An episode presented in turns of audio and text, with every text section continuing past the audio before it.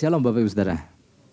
Oke, kita sama-sama belajar pesan Tuhan kali ini buat saya Bapak Ibu Saudara. Pesannya adalah memandang seperti Tuhan memandang. Memandang seperti siapa? Seperti Tuhan memandang. Ya, jadi melalui pesannya ini kita mau belajar ya.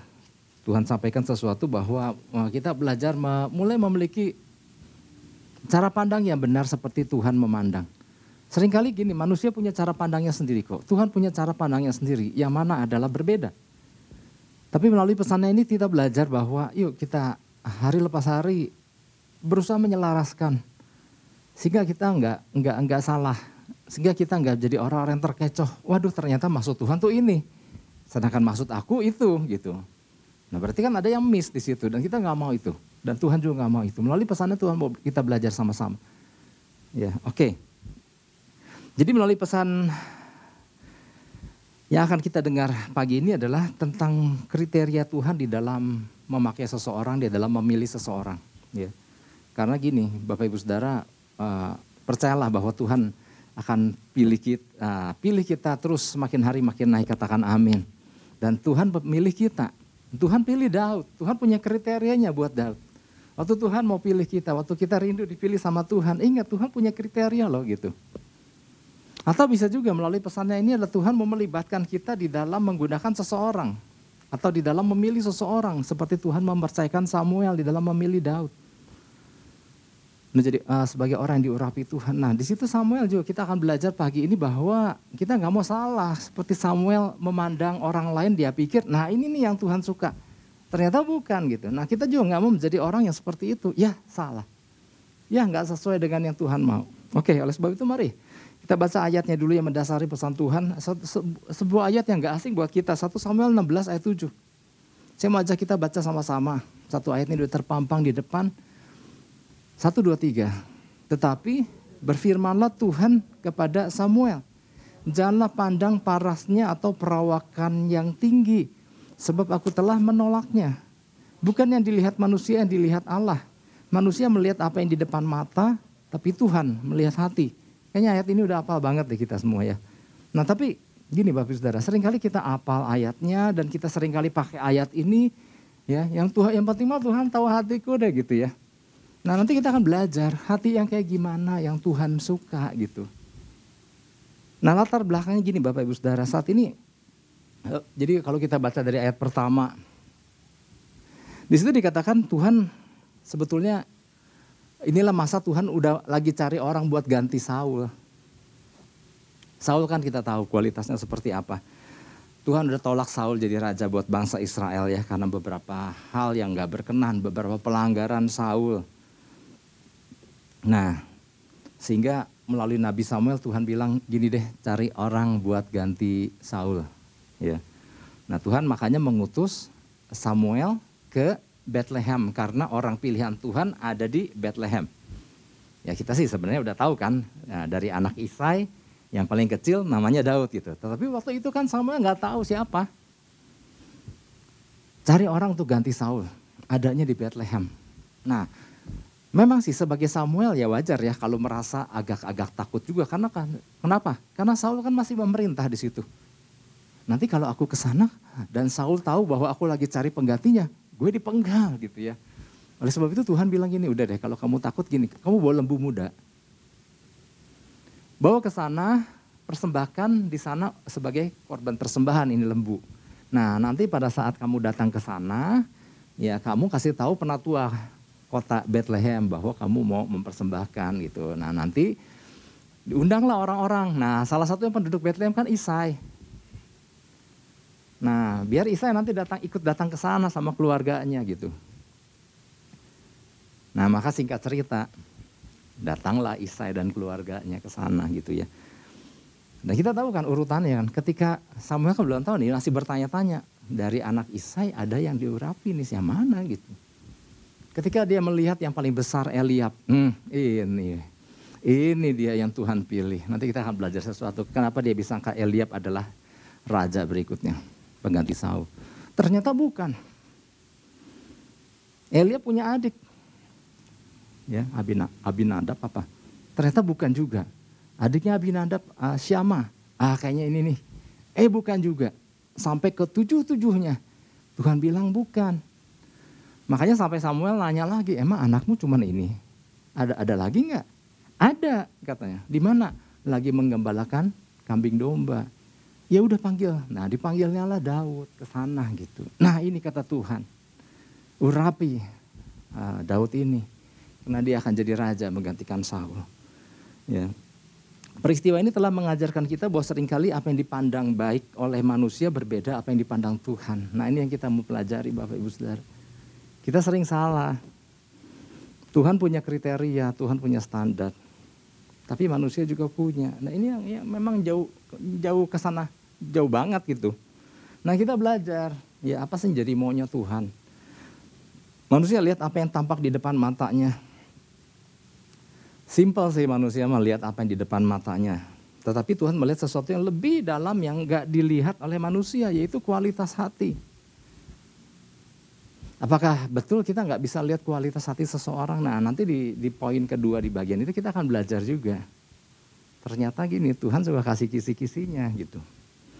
Biar nanti di bagian dalam kita belajar. Jadi manusia mudah mengagumi. Jadi pada dasarnya manusia itu mudah mengagumi sesuatu yang terlihat dari luar kecantikan, kegagahan, keren atau enggaknya dan lain itu, itu, itu memang itu yang dilihat manusia.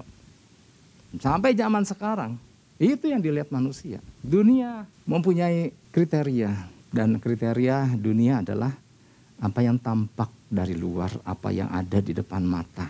Dan mereka nilai berdasarkan apa yang tampak di depan mata. Dan ternyata gini, banyak orang percaya juga ikut kriteria itu nggak salah ya kita berdandan, kita rapi, kita kelihatan bagus, kelihatan baik dan lain-lain nggak salah. Tetapi sering kali gini orang percaya nggak mempersiapkan apa yang sesungguhnya dilihat sama Tuhan. Lebih menyajikan diri demi untuk dilihat sama dunia, demi untuk dipilih sama dunia, gitu. Nah, oleh sebab itu melalui pesan ini tuh kita mau gini, kita juga mau berdandan dalam tanda kutip untuk sesuatu sehingga Tuhan lirik kita Nah Tuhan melihat ada bagian-bagian yang terdalam, yaitu kualitas hati gitu. Nah dunia saat ini begitu fokus memperhatikan rupa dan penampilan saja. Tapi beda dengan Tuhan. Tuhan melihat sesuatu yang lebih, yang jauh lebih penting dari semuanya itu. Ia memandang jauh ke dalam hati kita. Nah, apa yang Tuhan lihat di hati? Dia menambahkan hati yang memiliki kerinduan untuk mendekat dan mengenal kepadanya. Terus apa lagi? Ia, ia mengingini hati yang taat dan siap dibentuk sesuai dengan rancangannya. Dan Tuhan dapat memakai siapa saja tanpa kecuali untuk menggenapi rancangannya di dunia. Siapa saja yang hatinya berkenan kepadanya. Jadi mari kita belajar cara Tuhan memilih Daud. Tuhan punya kriteria. Tapi kita pun adalah orang-orang yang dipilih sama Tuhan. Oleh sebab itu kita mau tahu seperti apa kriteria orang yang dipilih sama Tuhan. Kita sebagai orang yang dipilih Tuhan. Kita rindu bahwa hidup kita kan gak cuma begini-begini aja. Maksudnya ada level-level berikutnya yang Tuhan bawa kita. Dan Tuhan punya kriteria untuk itu. Nah ini jadi pesan Tuhan Bapak Ibu. Ini jadi pesan Tuhan bagi kita. Tuhan sedang mengajarkan sesuatu yang penting buat kita. Entahkah dalam hal kita memilih di entahkah kita dalam bersikap, entahkah dalam kita mengambil keputusan. Nah kriteria yang digunakan manusia sering kali berbeda dengan apa yang Tuhan kehendaki. Ya, manusia hari-hari ini termasuk orang percaya tanpa disadari lebih menyelaraskan kriteria pemilihannya pada yang digunakan manusia pada umumnya ketimbang kriteria yang Tuhan maksud. Ini fakta, ya. Orang lebih mempersiapkan de diri demi untuk dilihat manusia. Orang mendandani diri demi untuk masuk kriteria manusia.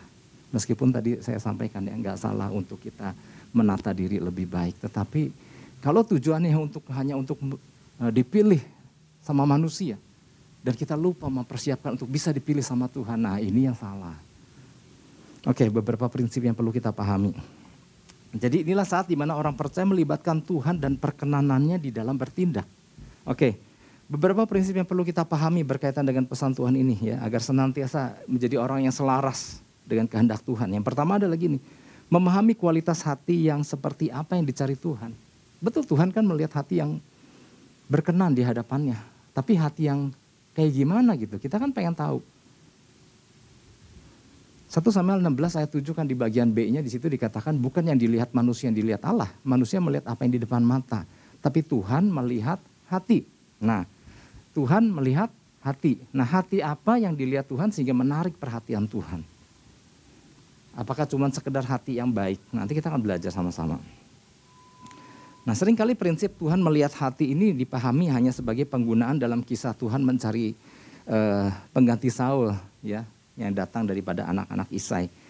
Di mana akhirnya kita tahu yang terpilih ada Daud. Nah jadi kisah tentang Tuhan melihat hati kan sering kali oh itu waktu Tuhan pilih uh, anak Isai yang akhirnya yang kepilih adalah Daud. Namun ketika pesan ini diberikan kepada kita, jadi gini Bapak Ibu Saudara, waktu Tuhan pesan Tuhan diberikan kita, maka Tuhan mau kita memahami bahwa bahwa kriteria Tuhan di dalam mengangkat kita untuk menjadi sesuatu. Saya kan nggak bisa bilang Tuhan uh, jadi sesuatu jadi apa. Tuhan punya rencana yang luar biasa. Katakan amin buat setiap kita. Dan Tuhan mau angkat kita jadi sesuatu, something ya, from nothing to something gitu ya. Nah, untuk menjadi sesuatu itu Tuhan punya kriteria gitu. Jadi kalau kita percaya dalam hidup kita, Tuhan masih mau mempercayakan perkara-perkara yang luar biasa. Nah, perhatikan kriteria ini masih sama yang Tuhan pakai, yaitu tentang hati. Nah, Tuhan pakai kriteria yang sama. Tuhan pun melihat kualitas hati kita. Bukan sekedar mencari orang baik Nah disadari atau nggak disadari sering kali penggunaan Tuhan melihat hati ini digunakan secara salah oleh orang percaya. Hanya karena merasa punya hati baik. Seringkali kita membela diri kita. Kita menghibur diri kita. Kita sering kali tanpa malu-malu langsung menempatkan diri kita di posisi Daud. Misalnya apa? Yaitu untuk menghibur diri kita. Ya khususnya waktu kita diperlakukan nggak nggak adil nih. Ah, biarin aja kita dijahatin orang. Yang penting mah Tuhan tahu hati aku deh. Ya ngajak teman-temannya, eh benar kan? Yang penting mah Tuhan tahu hati kita. Biarin kita mah dijahatin, biarin kita dijahatin. Yang penting Tuhan tahu hati kita. Nah biasa kalau lagi diperlakukan gak adil kita suka menghibur diri bahwa biarin orang lain jahat. Tapi Tuhan tahu hati. Kenapa? Kita merasa kita bukan orang jahat. Nggak salah. Kita merasa bahwa kita kan orang baik-baik ya, yang penting mah Tuhan tahu hati kita. Nah, hanya karena kita merasa kita punya hati baik, kita menempatkan posisi kita kayak Daud. Dan Tuhan melihat hati. Tuhan melihat hati aku. Ya biarin aku mah dicurangi, dan aku mah nggak nggak ada niat jahat apa-apa, dan Tuhan tak tahu hati aku. Hanya gara-gara karena kita memang nggak jahat dan kita punya hati yang baik, kemudian kita diperlakukan, dicurangi dan kita hibur, dan Tuhan melihat hati kita langsung menempatkan diri kita di posisi Daud. Sekarang pertanyaannya gini, apakah posisi Daud hatinya dipilih Tuhan karena Daud baik? Kalau Daud dipilih hanya karena baik, bagaimana dengan kakak-kakaknya? Berarti kakak-kakaknya nggak baik dong hatinya? Enggak.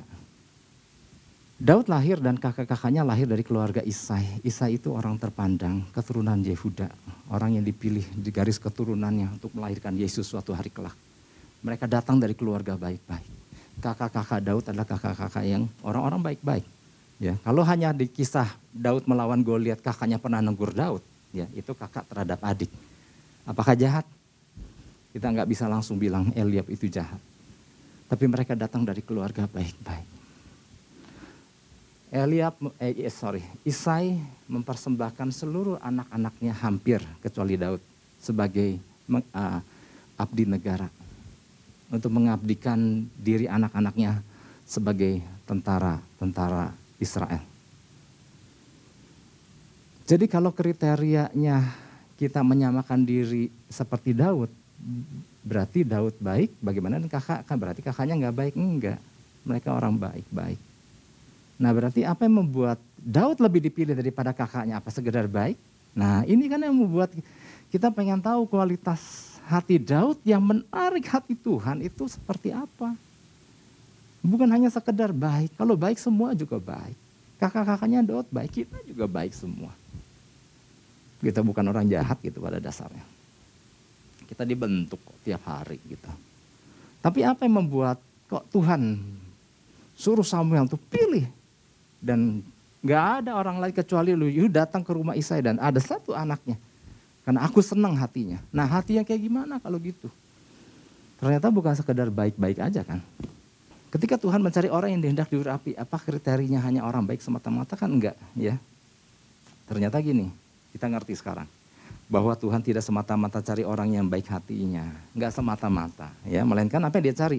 Dia mencari pribadi yang memiliki kerinduan untuk mengenal Tuhan lebih lagi dan ingin tahu lebih lagi kan isi hati Tuhan.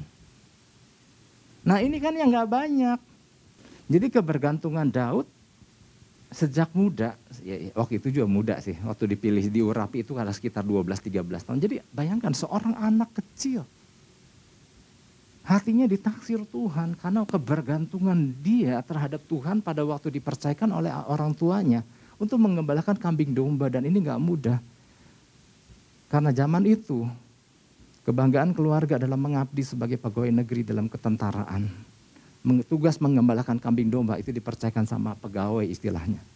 Tapi buat Daud ya udah apa pun yang dipercayakan, dia ambil tanggung jawab itu mengembalakan kambing domba. Punya ayahnya, punya orang tuanya, seberapa jumlahnya. Dan ini nggak mudah buat seorang anak kecil di, mengembalakan kambing domba ke padang rumput yang lumayan jauh.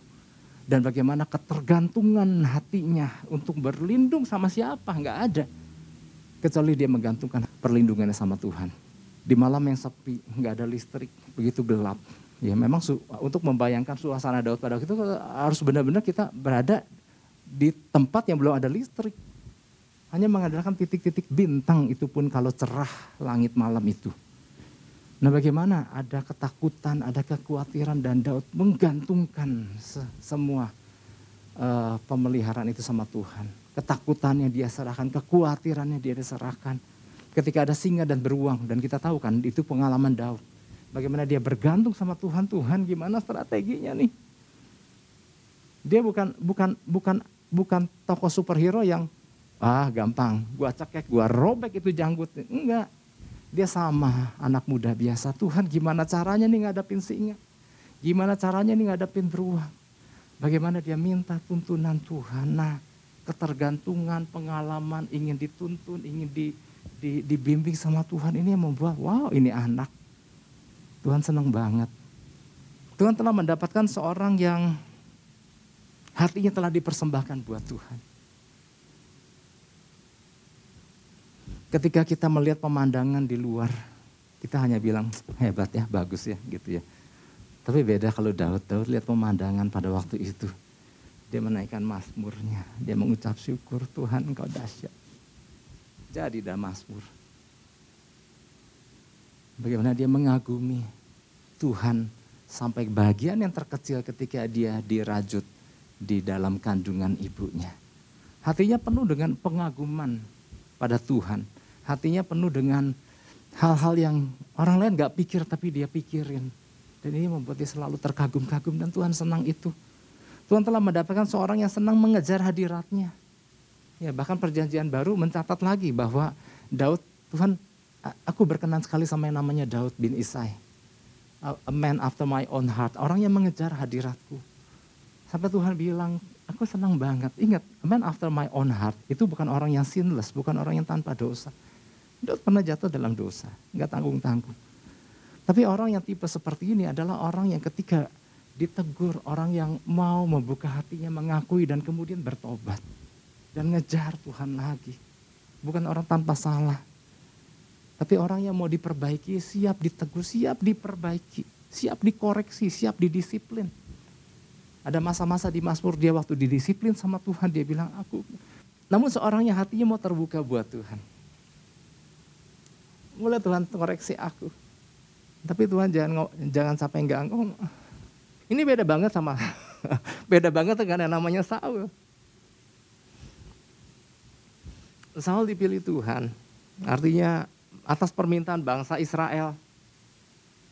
Aku nggak mau dipimpin sama Tuhan, aku mau dipimpin kayak bangsa-bangsa lain yang rajanya orang. Aku nggak mau rajanya nggak kelihatan, aku pengen yang rajanya orang. Akhirnya ya udahlah dipilihlah, singkat cerita. Dipilihlah seorang dari suku Benyamin bernama Saul. Saul pun diurapi Tuhan. Saul sempat nangkep apa yang jadi maksud Tuhan, tetapi akhirnya Saul banyak banyak banyak salahnya gitu. Karena apa? Dia nggak nangkep isi hati Tuhan. Dia seorang yang kepenuhan roh Tuhan. Tapi ternyata dia bukan seorang yang pada dasarnya bukan seorang yang mengejar hadirat Tuhan di situ.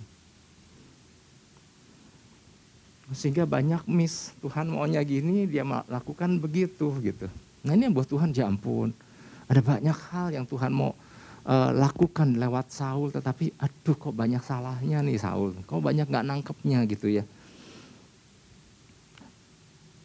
Fasilitas sama diberikan kepada Saul dan kepada Daud.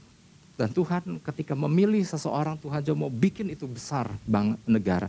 Tetapi susah, apa yang membedakan antara Saul dan Daud? Karena gini Bapak Ibu Saudara, kitab 1 Samuel, 2 Samuel, dua, satu raja-raja, dua raja-raja termasuk Tawarik, itu isinya intinya apa sih? Intinya tentang perbedaan Saul sama Daud di situ.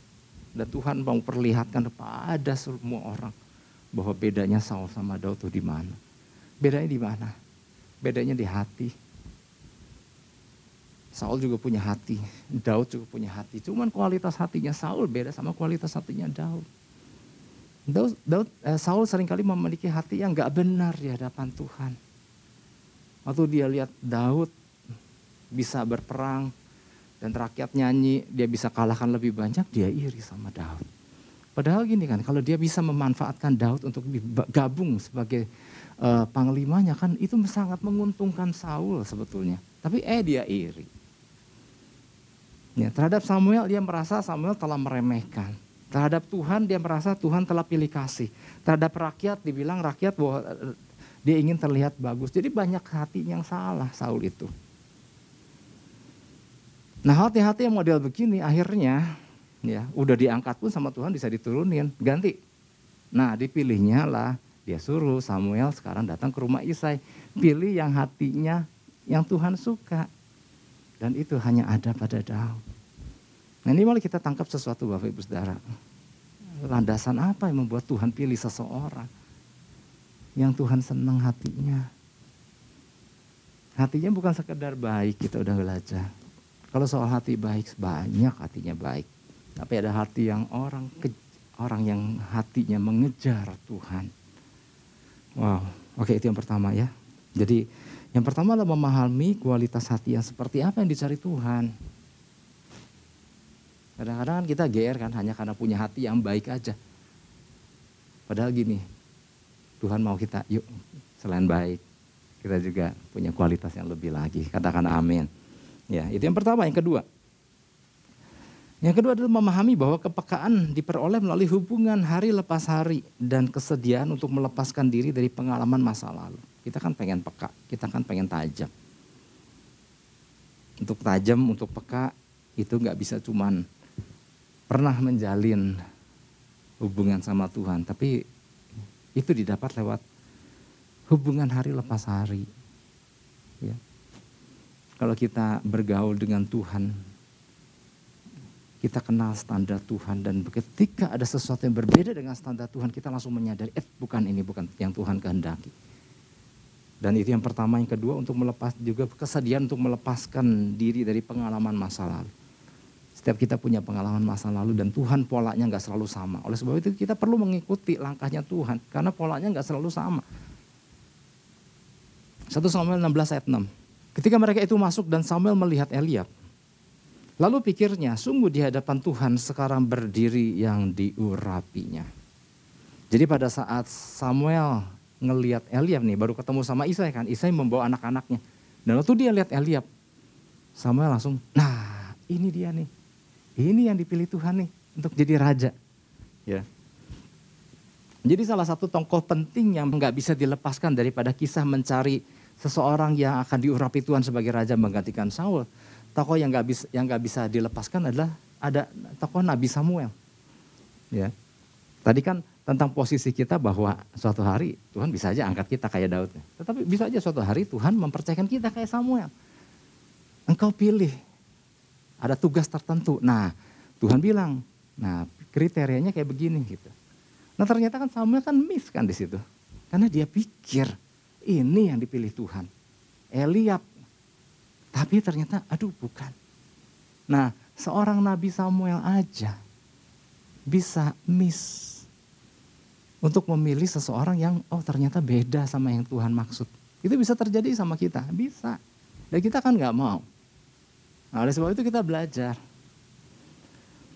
Mencari seorang yang dimaksud Tuhan bukanlah perkara mudah. Kita karena udah baca Alkitabnya, jadi kita tahu jalan jalan ceritanya. Nah Samuel pada waktu itu kan disuruh pergi ke Bethlehem. Ya Tuhan kasih kisi-kisi lah, anak Isai. Dari nyari, dari udah dipersempit begitu aja masih bisa salah. Karena ternyata anak Isai kan delapan gitu ya. Memilih satu dari antara delapan pun nggak mudah. Karena ternyata sama Samuel kan diurut kan. Eliab bukan, oh yang kedua. Eh bukan, oh ya pasti yang ketiga. Untung Alkitab nggak catat semua satu-satu ya sampai akhirnya tepatlah yang dipekatak yang dipilih oleh Samuel. Ternyata anak ke-8 dah karena dia urut satu-satu akhirnya kena juga. Tetapi kan gini Bapak Ibu Saudara, maksudnya adalah gini. Kalau diurut lama-lama kena juga gitu. Tetapi kan apa kita mainnya kayak gitu? Enggak. Kita mau belajar. Ya, apa yang membuat Samuel kok bisa pilih Eliab dan yakin banget ini dia. Oke, bagi Samuel seorang yang udah lama iring Tuhan sepatutnya ia paham betul orang seperti apa yang dimaksud Tuhan untuk menggantikan Saul kan mestinya kan. Ini kan senior banget nih Samuel. Karena gini, Samuel tuh hakim loh Bapak Ibu. Hakim tuh sekelas raja. Dia jadi hakim bangsa Israel menggantikan uh, Imam Eli. Jadi pemimpin tertinggi bangsa Israel setelah Imam Eli adalah Nabi Samuel. Cuman rakyat protes. Karena waktu Nabi Samuel kan hakim. Rajanya siapa? Tuhan. Nah mereka nggak mau, rajanya pengen orang. Ini kan downgrade sebetulnya, tapi ya udahlah kalau pengen orang ya orang. Akhirnya Saul kan. Nah, apa yang membuat Samuel kok kurang peka? Nah, kita belajar ya, bukannya kita bukannya kita mau merendahkan Samuel, oh dia luar biasa, tapi kita belajar, belajar ya. Beberapa yang sering kali membuat kita sebagai orang percaya kurang peka di antaranya adalah gini. Yang pertama, sering kali kita menggunakan pola yang sama terus dengan yang pernah dulu Tuhan gunakan. Atau dulu kita pernah mengalami apa dan kita mengalami hal yang kurang lebih sama, kita pakai yang itu aja dah. Pakai contoh yang itu aja gitu ya. Karena gini, malas tanya, kalau kita pakai bikin baju nih, pakai pola yang mana? Udah pakai pola yang waktu saya masih kecil ya, pasti nggak muat ya. Penyebabnya adalah memang malas bertanya. Beda dengan Daud. Nah Daud bedanya apa? Daud demen, seneng nanya. Waktu bangsa Israel diserang Filistin, Daud kan nanya, Tuhan gimana nih strateginya? Tuhan bilang gini, gini, gini, gini. Dan menang. Setelah nggak berapa lama, diserang lagi Israel sama Filistin. Ya kan kita pernah belajar ya. Daud udah pakai ah udah pakai pola yang sama kemarin juga menang gitu ya. Enggak, dia datang lagi sama Tuhan. Nah Tuhan kalau kayak ini gimana nih? Nah Tuhan kasih tahu lagi, nah kalau ini caranya gini. Seperti ini A, B, C, D di Tuhan ajarin lagi. Dan Daud lakukan dan Daud menang. Daud rajin nanya. Nah Samuel masih terpaku dengan pengalaman masa lalunya ketika ia diperhadapkan dengan bangsa Israel yang pada waktu itu mau nggak mau dipimpin Tuhan. Jadi dia bilang sama Tuhan, Tuhan ini gimana nih nggak mau dipimpin sama Tuhan, pengen sama manusia, ya udah pilih pilih ini aja. Akhirnya dipilihlah Saul dari suku Benyamin. Waktu Samuel melihat Saul, ada sesuatu yang berbeda pada tampilan Saul. Saul itu orangnya tinggi, lebih tinggi dari rata-rata orang Israel pada waktu itu. Dan ini dan Samuel eh, dan memang Saul yang dipilih dan kebetulan Saul tinggi gitu ya maksudnya. Nah Samuel pakai pola yang sama. Oh kalau tinggi pasti dipakai jadi raja nih. Jadi waktu dia lihat Eliab, nah di sini. Ketika mereka itu masuk dan Samuel melihat Eliab, lalu pikirnya sungguh di hadapan Tuhan sekarang berdiri yang diurapinya. Memang dia nggak bilang soal tinggi kan, tapi di ayat yang ketujuh Tuhan tahu. Ayat yang ketujuh bilang apa di sini? Tapi berfirmanlah Tuhan kepada Samuel, janganlah pandang parasnya atau perawakan yang tinggi, bukan dia. Samuel, ups, Tuhan kau tahu sih, gara-gara aku ngelihat Eliab tinggi, aku pikir ini nih jadi rajanya.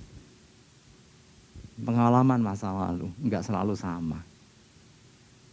Dan Samuel sempat terpaku dengan pengalaman waktu dia mau ngurapi Saul pada waktu itu dan dia lihat Saul memang tinggi jadi waktu dia lihat Eliab tinggi, nah inilah Tuhan demen orang tinggi ternyata itu jadi raja bangsa Israel.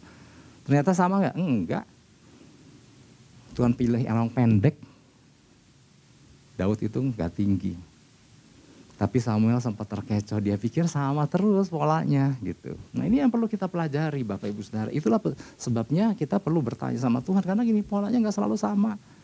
Bentar pilih orang tinggi, ntar dia dipilih orang pendek, bentar dia pilih orang sedang, ntar pilih yang kayak gimana gitu posturnya. Gimana Tuhan? Tapi Tuhan kan lihat kualitas hati seseorang, bukan sekedar perawakan luarnya.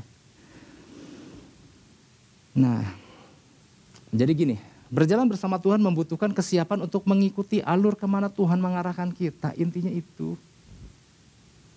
Bukan soal seberapa tinggi, seberapa pendek. Itu yang pertama, apa yang membuat kadang-kadang kita suka salah. Yang kedua, rasa segan pada manusia.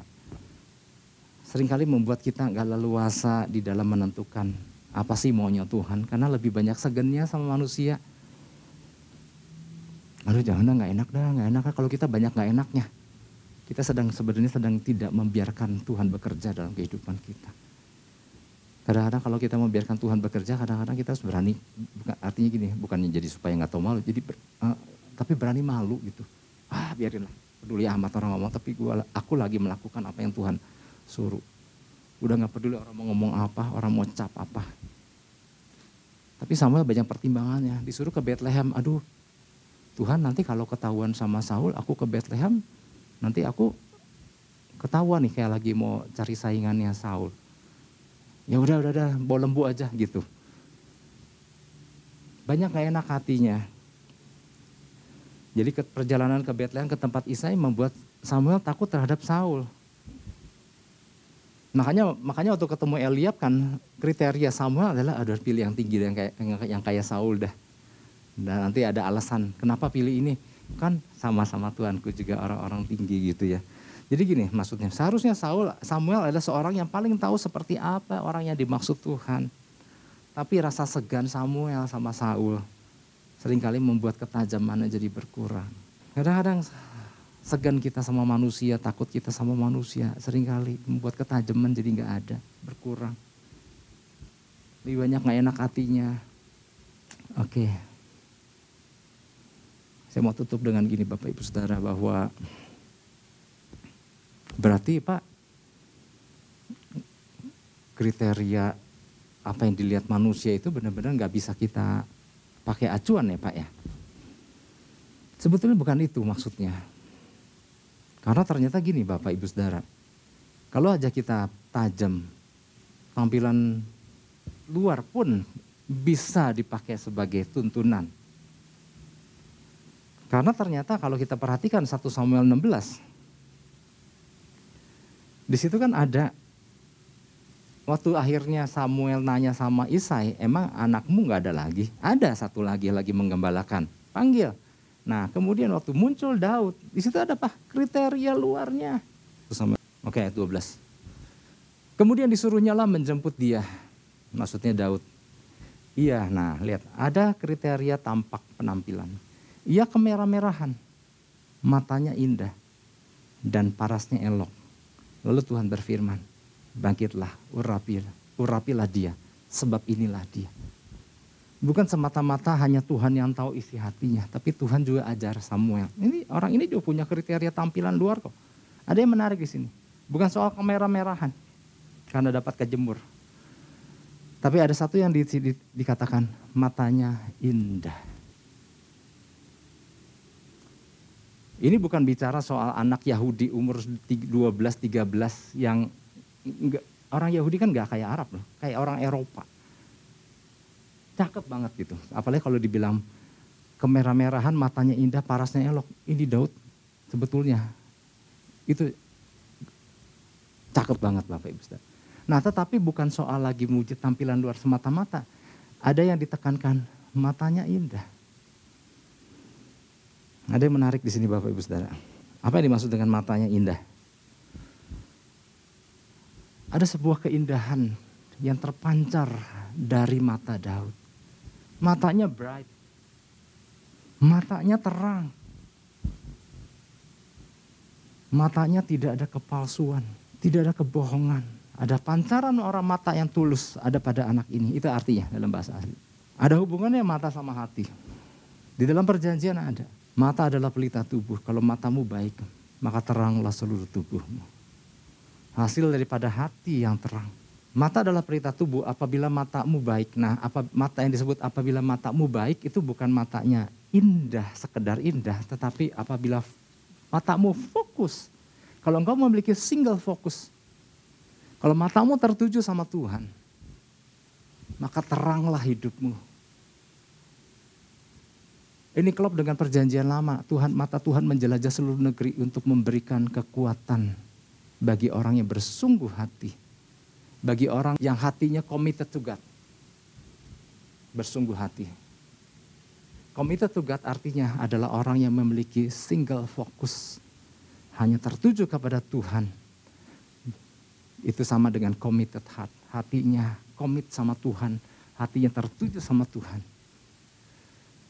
Dan Tuhan selalu menjelajah matanya untuk memberikan kekuatan buat orang-orang yang punya mata yang bagus. Mata yang single fokus mata yang tertuju sama Tuhan. Apabila matamu baik maka teranglah seluruh tubuhmu. Kalau ada yang protes ternyata kriteria penampilan nggak bisa dipakai. Di situ Tuhan malah kasih tahu. Daud ini, ya hatinya Tuhan berkenan. Lihat, dia juga punya tampilan. Memang kita nggak bisa lihat secara keseluruhan. Tapi dari matanya Daud adalah sebuah jendela untuk melihat kualitas orang sesungguhnya. Sering kita lihat mata, lihat apanya? Rambutnya kah? Pakaiannya kah? Orang dunia tampilannya, pakaian, rambut, dan segala macam aksesoris. Nah, tapi ini nggak bisa dibohongin mata ini. Kalau Bapak Ibu Saudara yang sekolah di kriminologi atau sekolah hukum, ada mata kuliah. Dari tampak tampilan, ada bagian-bagian yang kita bisa tahu mewakili kualitas orang seperti apa sih orang. Tapi saya nggak mau berlama-lama di situ. Tapi saya mau lihat patokannya adalah Tuhan. Tuhan kasih tampilan luarnya yang nggak bisa dibohongin. Mata, apabila sungguh hati sama Tuhan, ini mewakili hatinya.